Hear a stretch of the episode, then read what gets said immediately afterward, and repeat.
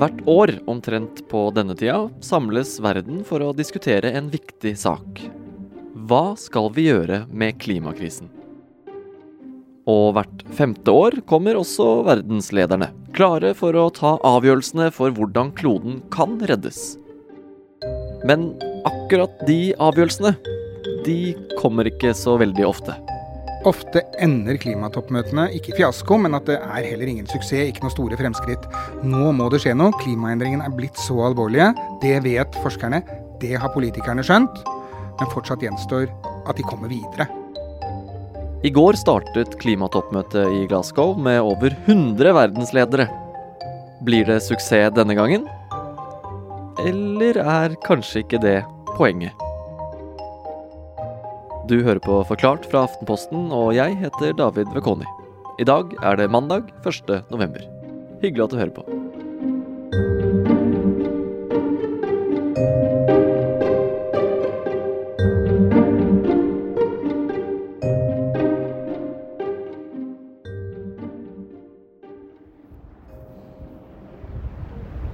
Jeg var for nylig og besøkte Helstugubreen i Jotunheimen. Jeg var med en breforsker, og hun målte opp hvor mye den har trukket seg tilbake siden hun var der sist i august. Dette var en måned etterpå. Fem meter. Fem meter på én måned, og det forteller at verden er i ferd med å bli en annen. Ole Mattismoen er klimajournalist i Aftenposten og har skrevet om klimaendringer og jorda vår lenger enn jeg har levd på den. I det siste har han vært spesielt opptatt av isbreene våre, og skrevet masse artikler og nå en bok om dem. At isen smelter, det får ganske store konsekvenser over hele verden. Som f.eks. når havisen blir borte i Arktis. Så fører det til at fordampningen fra havet øker. Det blir mer vann i skyene. Skyene blir høyere. Og når de blåser innover Norge, og de begynner å regne, så er det mer regn som detter på en gang. Da får vi styrtregn. Og når det kommer på toppen av at vi mister permafrosten vår, og den norske permafrosten den er ikke i store tundraer som i Sibir og Canada, den er inni fjellene våre. Og fjellene våre, de tiner. Og da blir de mer ustabile. Og når det kommer styrtregn opp på toppen av det, så blir det mer fare for ras og for så vidt flom.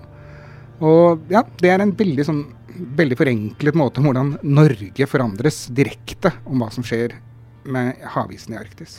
Ja, ok, Men uh, du sier at fjell kan smelte? Altså, er det sånn at uh, Dovre kan falle, rett og slett? Jeg tror ikke Dovre faller, men både Galdhøpiggen, Glittertind og mange av de andre store fjellene våre, de er stivfrosne. Og det har de vært siden forrige istid, og sannsynligvis lenge før det også. Så hvis du, går, hvis du borer inn, ja, nå husker jeg ikke huet, men sånn type fire-fem meter inn, så er fjellet stivfrossent. Fordi at det også er vann der. Da. Det er jo vannet som er frossent, det er jo ikke selve, selve fjellet. eh, og det som nå skjer, er jo at, at den tiner. For det er liksom vår permafrost, vår evige is. Det er inni de fjellene. Og nå er vi i ferd med å miste det. Akkurat som det bare for noen få år siden så mistet vi isbreen på toppen av Glittertind hvis man regnet med den, så var Glittertinden Norges høyeste fjell. Eh, nå er den borte, så nå er Galdhøpiggen høyest både med fjell og totalt sett. Og så er det jo ikke bare endringer av geografiske fakta på Wikipedia og oppdateringer av alle Norges leksikon det er snakk om her. Det er også snakk om store konsekvenser som følge av disse endringene, både i Norge og i resten av verden. Ja, det, det er det. Eh, endringene, altså når, når, de store, massive nedsmeltingene begynner, og de er i gang eh, Nå snakker jeg om på Grønland og i Antarktis. Det er jo is som ligger på land. Og når den isen smelter, så blir det mer vann i havet. Uh, og da stiger havet. Altså Bare for ti år siden så trodde klimaforskerne at, at, uh, at smeltingen i Antarktis det Der snakker vi om århundrer til, liksom. Men, men der tok de feil. Den har kommet lynraskt både i Antarktis og på Grønland, og nå bidrar de to ismassivene omtrent en tredjedel av havnivåstigningen. Resten kommer fra små isbreer, og fra at havet utvider seg når det blir varmere, for varmt vann tar mer plass enn kaldt vann. Men alt det her, Ole, det har vi jo hørt om så lenge. Det er jo bare krisespådom på krisespådom. Hvor alvorlig er disse endringene akkurat nå? Altså, klimaendringene, eller global oppvarming, som fører til klimaendringer, det blir verre og verre hele tiden. Og grunnen til det er at vi fortsetter å slippe ut mye. Vi øker utslippene våre, selv om det var en liten reduksjon i fjor i det verste koronaåret på 5,5% Så viser en ny oversikt fra Verdens meteorologiske organisasjon som kom i forrige uke, at konsentrasjonen av CO2 og andre drivhusgasser, klimagasser, i atmosfæren økte i fjor og har aldri i historisk tid vært høyere enn de er nå. Og den gassmengden i atmosfæren, den gir klimaendringer, og de blir verre og verre. Eh, så nå er vi på full fart mot 2,7, kanskje 3 graders oppvarming. Eh, mens vi egentlig skulle vært og bremset på 1,5 eller 2. Ok, så da har vi på en måte kommet uh, dit som vi har blitt advart mot i alle år. Dit som vi absolutt ikke skulle komme. Og midt oppi all den håpløsheten her, så skal nå alle verdens ledere møtes i Glasgow for å prate om det her. Eh, har du troa? Jeg har ikke troa på at Glasgow ender i en kjempesuksess som redder klimaet vårt. Eh, klimatoppmøtene har det ikke med å ende i suksess.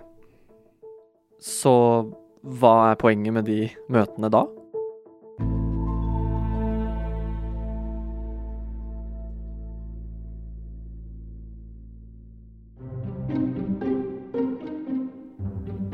Ole, hva innebærer egentlig et eh, klimatoppmøte? Det er et årlig møte hvor alle de land i verden som har undertegnet klimakonvensjonen, og som nesten er de samme som har undertegnet Parisavtalen, møtes for å snakke og forhandle. Og så er det masse forhandlere, altså profesjonelle diplomater som forhandler på vegne av sine land. Det er liksom den formelle prosessen. Og så i tillegg så er det en massemønstring av oppfinnere, næringslivsfolk, forskere, miljøvernere og andre frivillige organisasjoner. Årets klimatoppmøte i Glasgow er det 26. i rekken. Selve oppstarten, originalen, fant sted en junidag i Rio de Janeiro i 1992. Da holdt FN sitt verdensmøte, og etter det som hadde vært flere år med forhandlinger og krangling, vedtok endelig de fleste av verdens land Klimakonvensjonen, hvor målet var å redusere klimagassutslipp. Opp gjennom årene har de som har fulgt ekstra godt med, vært vitne til mange møter med forskjellige utfall. Men det er spesielt tre klimatoppmøter som kommer til å gå ned i historiebøkene. Først i Kyoto i 1997, hvor i-landene lovet å kutte egne utslipp i en avtale som ble kalt Kyoto-protokoll. Så i København i 2009, hvor alle trodde en avtale var i boks med togradersmål og det hele. Før alt brøt sammen de siste timene. Men så i 2015 sto klimatoppmøtet i Paris for tur. Og da skjedde det endelig noe stort. Fordi at klimatoppmøtet i Paris endte i suksess. Man fikk den avtalen som verden hadde ønsket og forhandlet om i mange år. Eh, og selv da holdt det på å gå gærent på noen tidspunkter, men da løp Obama og andre statsledere rundt i gangene. Og og til slutt, da det ble enighet og den franske utenriksministeren dunket klubbene i bordet og sa vi har en avtale, we have a deal.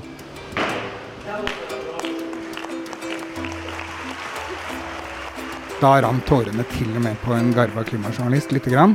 Det var ganske sterkt. Jeg må si det, altså etter å ha vært på så mange klimatoppmøter og dekket klima i ganske mange år. Å se at nå endelig fikk verden en avtale som ikke redde verden, men som er starten på at vi kanskje kan klare dette. For jeg er, jeg er liksom grunnleggende optimist. Menneskeheten vil klare å bremse klimaendringene. Det bare spørs hvor gærent det må bli først. Men eh, hva er det som har skjedd siden Parisavtalen, da? Jeg må begynne på det positive, da. Det har skjedd en elbilrevolusjon i Norge, og den er i ferd med å komme i gang i mange andre land.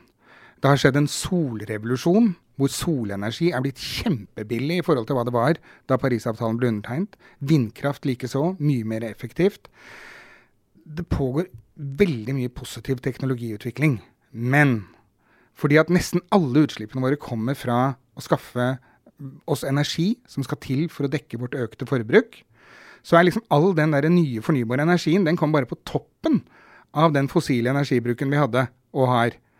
Så det betyr at når de også bygger ut parallelt med ny fossil energi, så øker utslippene. Og FNs klimapanel, som la frem sin rapport i høst, de sa jo veldig klart at nå er det uten tvil vår skyld. Det går veldig gærne veien. Vi må få til raske, massive utslippskutt for å bremse og klare å stoppe på 1,5 eller 2 grader. Det har vi ikke fått til, og det ligger heller ikke i Parisavtalens løfter fra landene. Så som uh, vår klimaminister, vår nyutnevnte, sa på en pressekonferanse i forrige uke, situasjonen er blitt veldig, veldig, veldig mye verre. Og han sa det faktisk med tre veldig rette hverandre. Eh, både når det gjelder utslippsutviklingen, og når det gjelder hva som skjer med global oppvarming og klimaendringer. Så hvordan kan verden reddes da, når alle klimatoppmøter stort sett er mislykka? De har i hvert fall ikke satt varige spor etter seg. Eh, jeg tror det er viktig og riktig å tenke på dette som en sånn kontinuerlig prosess, hvor, eh, hvor disse årlige klimatoppmøtene. Uh, uten dem så ville liksom ikke prosessen bli drevet videre. Du drives videre også av at noe blir mislykket. Uh, for å si det sånn, uten, uten Rio-toppmøtet og klimakonvensjonen i 92 så ville vi aldri fått Kyoto-avtalen. Og uten en litt dårlig Kyoto-avtale på slutten av 90-tallet så ville vi aldri fått et mislykket København-toppmøte i 2009. Og, og uten et mislykket Københavnstoppmøte, så ville vi garantert ikke fått en vellykket Parisavtale, som nå liksom verden knytter alt håp til. Og det er rundt det håpet at verden samler seg igjen nå, for å fortsette denne store internasjonale arbeidsprosessen for å redde verdens klima. Det kommer rundt 120 statsledere til klimatoppmøtet i Glasgow. Og sammen med alle de andre påmeldte blir de ca. 25 000 personer. Britene, som er verter for denne her, ønsker jo at, bli, at ingen skal glemme Glasgow-toppmøtet. Det de skal gjøre, er at de skal i Glasgow, det aller viktigste, er å passe på to ting. Det er at Parisavtalen ikke dør. At Parisavtalen utvikles videre og at uh, flest mulig land styrker sine utslippsreduksjoner. Og i hvert fall forsøker litt mer enn de gjør i dag. For det er ikke bare politiske avgjørelser som skal tas de neste to ukene. Uh, det er altså da miljøvernere, det er næringslivsfolk, klimaforskere, uh, oppfinnere you name it, som kommer dit for å presentere rapporter, for å snakke sammen, høre på hverandres foredrag, som en stor sånn klimamøteplass. Og jeg tror at det er, det er, veldig viktig for å presentere, og at de skal utvikle nye ideer og tanker og sånn. Eh, men det er jo de som løser klimakrisen for oss. Altså Politikerne kan vedta mål om utslippsreduksjoner og sånn og sånn, men de klarer jo ikke å gjøre det sjæl. Det er det jo næringslivet eller bedrifter og oppfinnere og ikke minst hver enkelt av oss. Vi er 7,5 milliarder lille meg på denne kloden, og alle må være med. Vi kan ikke forvente at den kinesiske presidenten skal løse dette alene.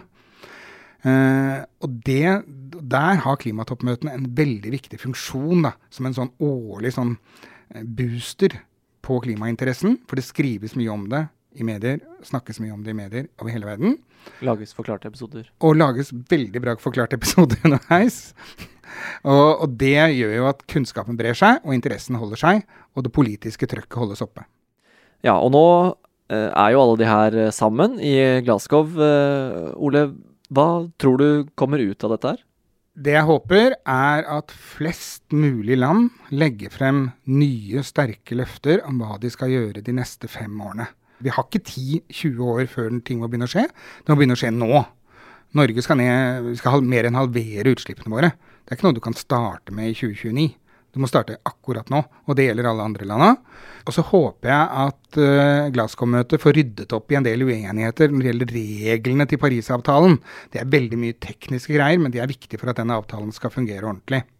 Uh, så kan det hende at det, at det blir enighet om andre, andre, mer vage løfter om hva som skal skje i årene som kommer. Det er viktig for å holde denne prosessen i gang, og få liksom at noe skjer hele tiden. Det er alltid spennende når verdens ledere møtes for å diskutere et så sentralt tema som angår så mange. Og de siste årene, siden sist statslederne møttes, for det var i Paris, så har det skjedd dramatiske ting. Og veldig mange land har fått klimaendringer rett inn i stua, og rett inn i statsbudsjettene sine, med store flommer og tørke osv. Men eh, kan vi likevel risikere at det ikke skjer noen ting i Glasgow? Eh, og hva, hva blir i så fall konsekvensen av det? Jeg tror nok det kommer til å skje noe. De klarer å rydde opp i noen ting. Og det kommer til å komme løfter både om økt finansiering, som er veldig viktig i klimasammenheng, nemlig at de rike landene finansierer klimatiltak og klimatilpasning i den tredje verden, i fattige land. Der kommer det til å komme ting. Nok? Nei. Det kommer til å komme løfter om økte utslippskutt eller uh, redusert utslippsvekst? Nok? Nei. Men vi er igjen i denne prosessen som liksom fører oss litt fremover hele tiden. Og jeg kan ikke huske noen klimatoppmøter som liksom har vært et reelt tilbakeslag, selv om København i 29 endte i katastrofe.